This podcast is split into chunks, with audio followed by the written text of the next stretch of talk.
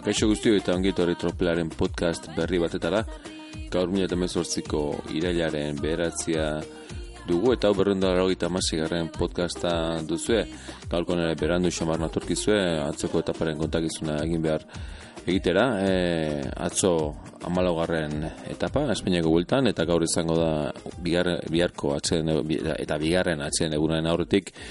kokatuko den azken mendiko etapa garantitzua, baina bueno, goazena lehenik eta binatzokoa aipatzera, izan ere atzo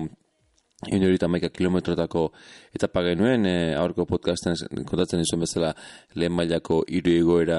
irugarrengo bat eta bigarrengo bat e, zituzten. Iesaldia osatu zen, e, iesaldi sei pertsonetako edo sei txerrinuletako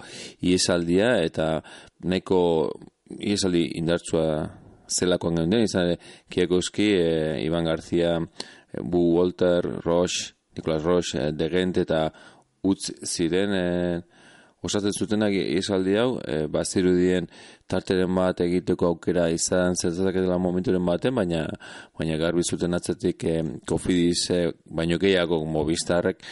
ba, inungo momentutan e, lau minututako tartera ere ez baitzeten utzi, ba, ikusi eta eskiatko euskien bos minutura eta bi segundura zegoela salkapen nagusian, ba, pentsatzen hori izango zela, da urlitasunen bat, edo bintzat, arazorik ez izateko etorkizunean, ba, horlako kontrolat egitea. Eh? Egia esan da gero ikusita, azkenengo amaiera nola zen, ba, ez zait iruditzen, eh, oain beste orduritzeko moduko iesaldia zenik, baina bueno, kontua kontu epatu dizuet baita ere horri izan dela izan zela tartean degente e, izaldi horretan eta bueno ba, horren kontura gero epatu du salkapenean baina mendiko salkapeneko leia horretan mailot e, zuri puntu urdin du mailot horren leian sartzeko em, jarrera erakutsi zuen eta akaso gaur ikusi beharko nola joaten den ba horretan e, arituko da. Kontua kontu e, izaldia harrapatu zutela e, bigarren azken aurreko esan da igoera horretan e, bakarrik geratu zena kiakos izan zen indartzuen indartzuen zela erakutsi zuen baina hori e, azken igoerara itzi aurretik gan ba holako berroge 30 segunduko tartea zuen eta eta azken igoera maltzurro edo, edo ez e, gogor hori e, asterako kasik ba harpatu zuten e, Poloniako txapelduna hor lanean aritu zena Joni Zegren talde izan zen, e, arritu egin duen, ba, ba berez e, txelunera indarzu hauak Quintana López edo ez, Balberde eta hauek izango zirela ikusita ba, Joni Zagirre bat ez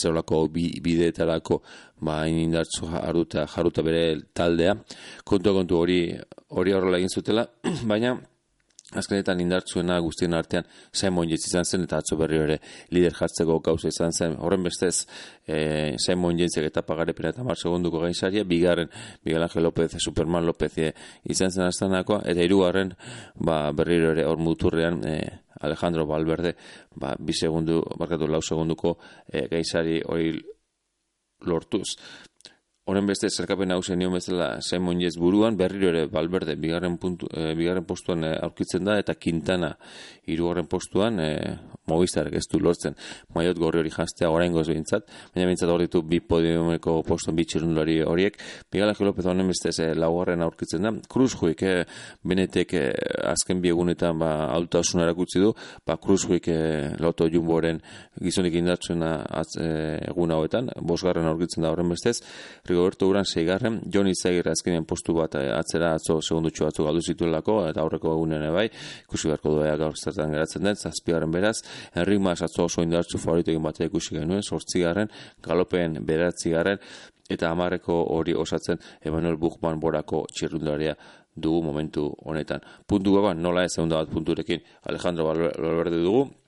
eta sagan larogeita iru punturekin aurkitzen da, taldekakoan bareim lider bigar movistar 6 minuta berrita bi segundu tartearekin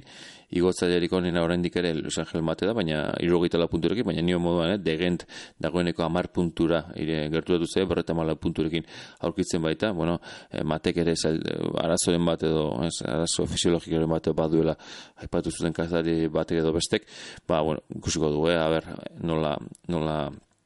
joaten den gaurko guna, izan dira gaurre puntu asko banatuko dira mendiko selkapenean, eta azkeni ba, kombinatu ema hor ere berri ere balberde dugu amai punturekin eta emeretzi punturekin. Atzetik izan moinez gogoratu selkapena normalean, normalean, e, lasterketa idazten duenak eramaten duela. Gaur eh, lagozdeko ongan amaituko da etapa, onde irita mesortzi kilometrodako etapa izango da, hasiera hasieratik eh, garren kilometroan irugarren mailako mendate bat izango dute, ez da hori seguraski paleatuko dute iesaldikoek, eh, ba iesaldi hori ez, usatzeko, eh, seguruenik, eh, ikusi du zen bateko iesaldia den, egun garren kilometro inguru hortan lehen mailako lehen igore izango dute, handik hogeita mar kilometroa beste lehen mailako bat, eta azken igora hori, ba, kobadongoetako igora hori izango da, ben, jos kategori eh, Frantziako jergan e, berezio, maila bereziko ez, espezial, espezial bezala e, bueltan, ba hori, e, igoera hori izango da, biharko atxean egunen aurre, aurrean, eta bueno, gaur bai indartsuenek erakutsi gaurko dutela gai direla hor aurrean izateko. Ea ba, zein ikuskizun izaten duen gaurkoan. Urren arte.